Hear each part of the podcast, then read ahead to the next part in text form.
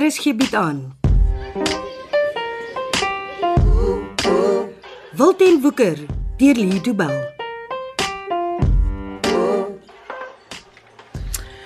Ek kan nie glo dat nie een van die manne saam met ons wil kom sushi eet nie. Is 'n vakansiedag, hulle is op die golfbaan. Mm. Weet jy, ek het nie geweet ek trou met 'n man met 'n golfmal familie nie. Ons vandat Johan by die huis is, terwyl elke naweek so op die golfbaan rond lê.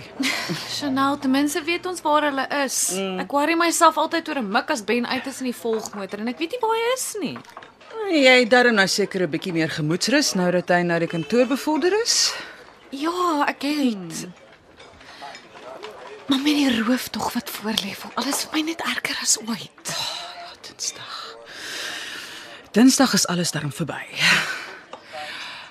O, oh, oh, wag.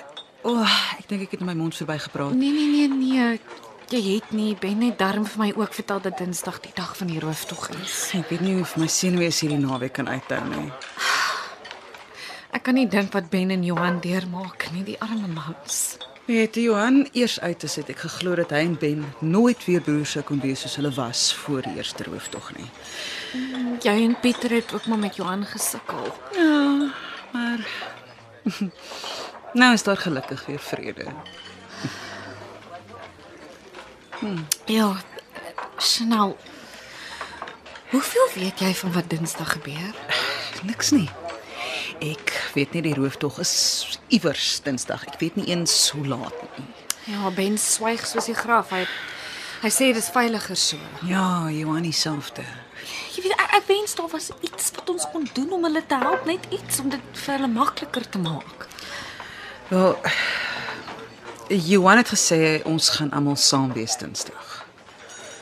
Wat? Wie almal? Ek en jy en ma en Pieter. Wat wou met ons wees? Dit weet ek nie. Blykbaar is dit 'n plek van veiligheid. Hoekom moet ons veilig hou word? Eh, Wel in geval dinge nie gaan soos wat Johan en Ben wil hê dit moet gaan nie. Wat kan dan skeefloop? Ek bedoel, hulle het 'n plan. Hulle moet seker maar net die plan volg. Ja, maar dis daai Jake's karakter in die vinnige boeis waarteen hulle ons moet beskerm. Chanel, nou, jy praat my nou bang. Wel eerder dit as dat ons te op ons gemaak is. Ons moet reg wees vir alles. Enigiets kan gebeur. Ja, maar ek dog Ben hulle het alles beplan. Dit dit dit, dit alles in plek is. Wel, daar is 'n plan, maar Jax verander gedurig die bende se plan. Johan sê hy en Ben moet elke dag hulle eie plan weer aanpas. Jy weet as ons so bang is, hoe moet hulle voel? Die ding wat my die meeste ontstel is dat Johan Dinsdag vir my 'n brief wil gee. Hoekom? In geval hy dit nie maak nie. Wat? Is dit so gevaarlik? O, nee. Chanel, ons kan nie so daaraan dink nie. Daar daar sal niks gebeur nie. Ek weet nie so mooi nie, maar Johan dink daaraan.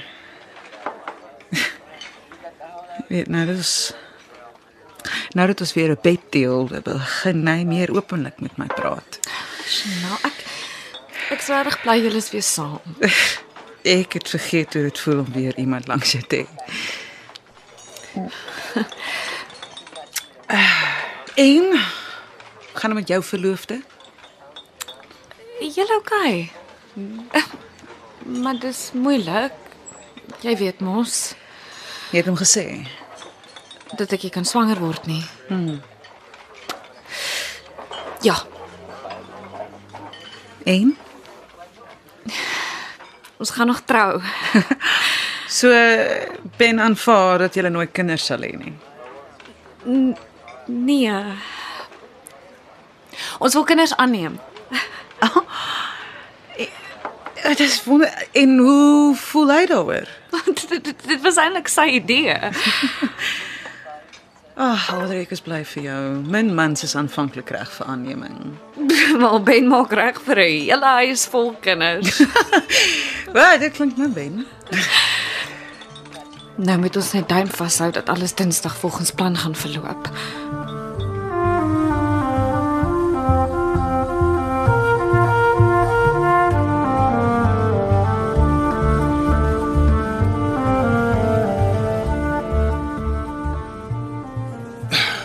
bly Pieter dan?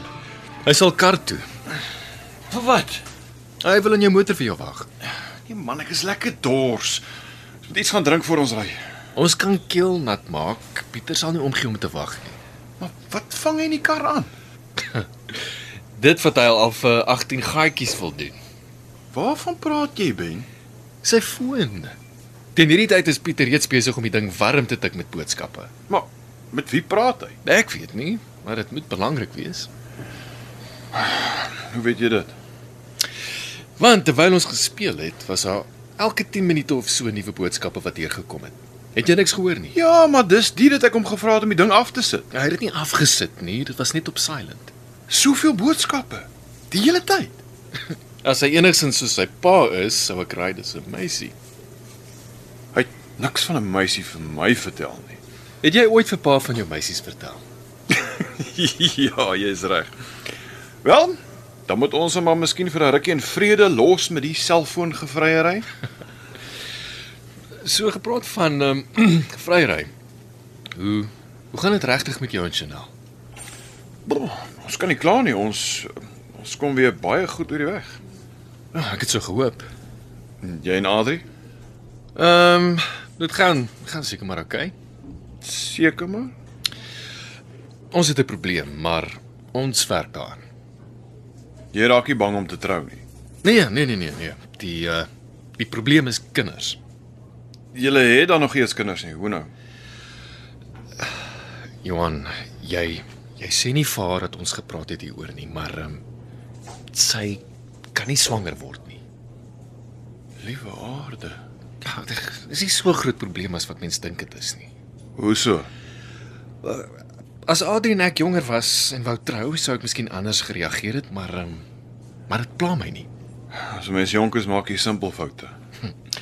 Daarvan kan jy getuig.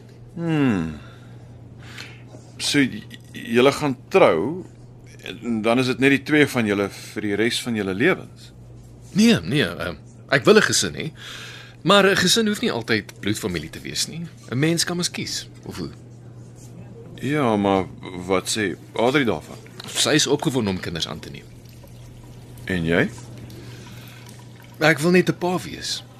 Hoe nader ons troudag kom, hoe hoe sterker word die gevoel binne in my dat ek nog altyd 'n pa wou wees. Hmm. Is snaaks, maar dis nie iets wat mens eintlik hardop sê nie. Nie eens vir jouself nie, totdat die moontlikheid daar is. Ek onthou die dag toe Chanel vir my kom sê het ons gaan ouers word. Ag, Daai gevoel jy jy's gelyk bly en bang en jy weet nie watter een jy moet wees nie. Ek moet sê ek is uh, nogal skrikkerig as ek dink aan die verantwoordelikheid van 'n 'n vrou en kinders. Nee, natuurlik. Net solank ons ons geliefdes Dinsdag veilig hou. Ja, dis als gereël. So, eh, wat maak ons met hulle? Ek het 'n vakansiehuis in Langebaan bespreek. Net vir Dinsdag. Nee nee, vir die hele week. Ek het gedink ons neem hulle maandag al sien toe. Hm, Goed. En jou brief vir Adri, het jy hom al geskryf? Nog nie. Uh, ek ek ek kry 'n snaakse gevoel as ek dink oor hoekom ons die briewe moet skryf. Pa het altyd gesê dit was die dit was vir hom die ergste geweest, die briewe wat hulle elke keer moes skryf voor hulle grens toe gevlieg het. Ja. Maar gelukkig het die weermag nooit rede gehad om die brief vir ma te stuur nie. Gelukkig. Gepraat van haar, dit gaan moeilik wees om haar te oortuig om saam te kom Langebaan toe. Alles hang natuurlik van môre af. Wat gebeur dan? Jy bring vir ma en Chanel vanmiddagete na ons plek toe. O ja, o. Gelukkig het ek vir Chanel om sulke goed te onthou. Jy moet net seker maak die kar is reg geparkeer sodat jy vinnig kan wegkom. Hoekom? Wel, dit sal die eerste keer wees dat Ma en Adri mekaar ontmoet. En jy is reg in die middel. O, ek sal maar braaf moet wees en my pak moet vat. Man, miskien hou maar van hom met die eerste oogopslag. En dalk kom die son in die weste op. Ja, jy's reg, daar's 'n groter kans dat dit sal gebeur. Ek weet nie hoeveel keer dit Adri al van plan verander oor wat sy vir ete moet maak nie. Ja, oh, sies tog. Ag man, miskien is maar skepties aan die begin, maar sy sal vinnig vir Adri lief word. Ek bedoel, kyk net hoe was sy aanvanklik met Chanel. Onthou net, hulle ontmoet môre vir die eerste keer en maandag los ons hulle vir 'n week saam in 'n huis in Langebaan. Solank ma se hele handsak vol pille saamgaan, is alles dooddollies. Ja. Maan al haar geite. Sy mis seker vir Pieter, nou dat julle nie meer by hom bly nie. Ja, daar word gedurig geneel oor hoe ons vreemdelinge van mekaar geword het.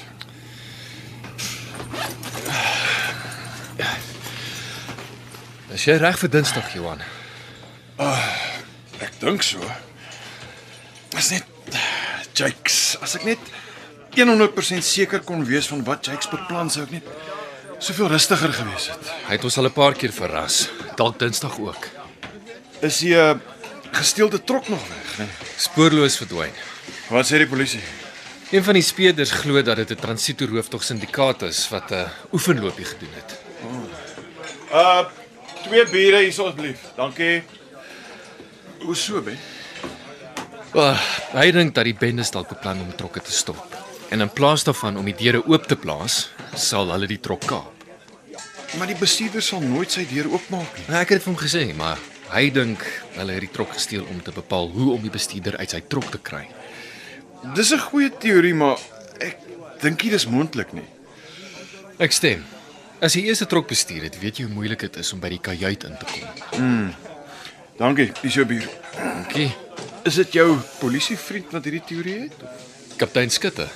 Ja, die ou wat ons Dinsdag gaan help. Nee nee, Skutte is veel te prakties om aan so 'n wille teorie te dink. Vertrou jou.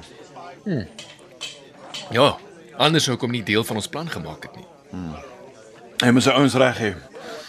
Hulle moet gereed wees om die vinnige boeis vas te vat. Die polisie is lankal lus vir hulle. Weet hy van Jakes? Besef hy hoe gevaarlik hy is? Ek sal my herinner as ek hom maandag bel. Dis die swakste skakel in ons plan. Kaptein Skutte, Nee, maar as jy dink hy's die regte ou, dan stem ek saam. wat pla jou daar? dat dit nie net die twee van ons is nie. Die oomblik wat ander mense weet ons werk teen Jakes is ons lewens in gevaar. Ek sal vir kaptein Skutte laat verstaan dat hy slegs met die manne wat hy vertrou mag werk. Jakes vat nie kansse nie. As hy dink dat ons nie aan sy kant is nie, begrawe hy ons lewendig. Johan, jy moet my beloof dat jy spore sal maak as jy voel dat dinge met Jakes nie meer volgens plan verloop nie. Jakes gaan doen wat Jakes gaan doen. Solank jy nie onnodig in gevaar is nie. Dis te laat daarvoor. Jakes het klaar besluit wat hy met my sal doen. Johan, Ben. Alrede hoekom ek nog asemhaal is omdat Jakes my nodig het vir hierdie hooftog. As dit lyk asof sy plan werk, word my lewe waardeloos. dis hoekom ons moet kan kommunikeer as die rooftog gebeur. As jou lewe in gevaar is, moet ek daarvan weet. Ja, jy sal. Maar Ben, jy moet onthou, die vinnige boeis is 'n bende. Alles werk anders in 'n bende. Vir my en jou is 'n lewe kosbaar. Nie vir hulle nie. Jy is my broer en ek sal sorg dat niks met jou gebeur nie.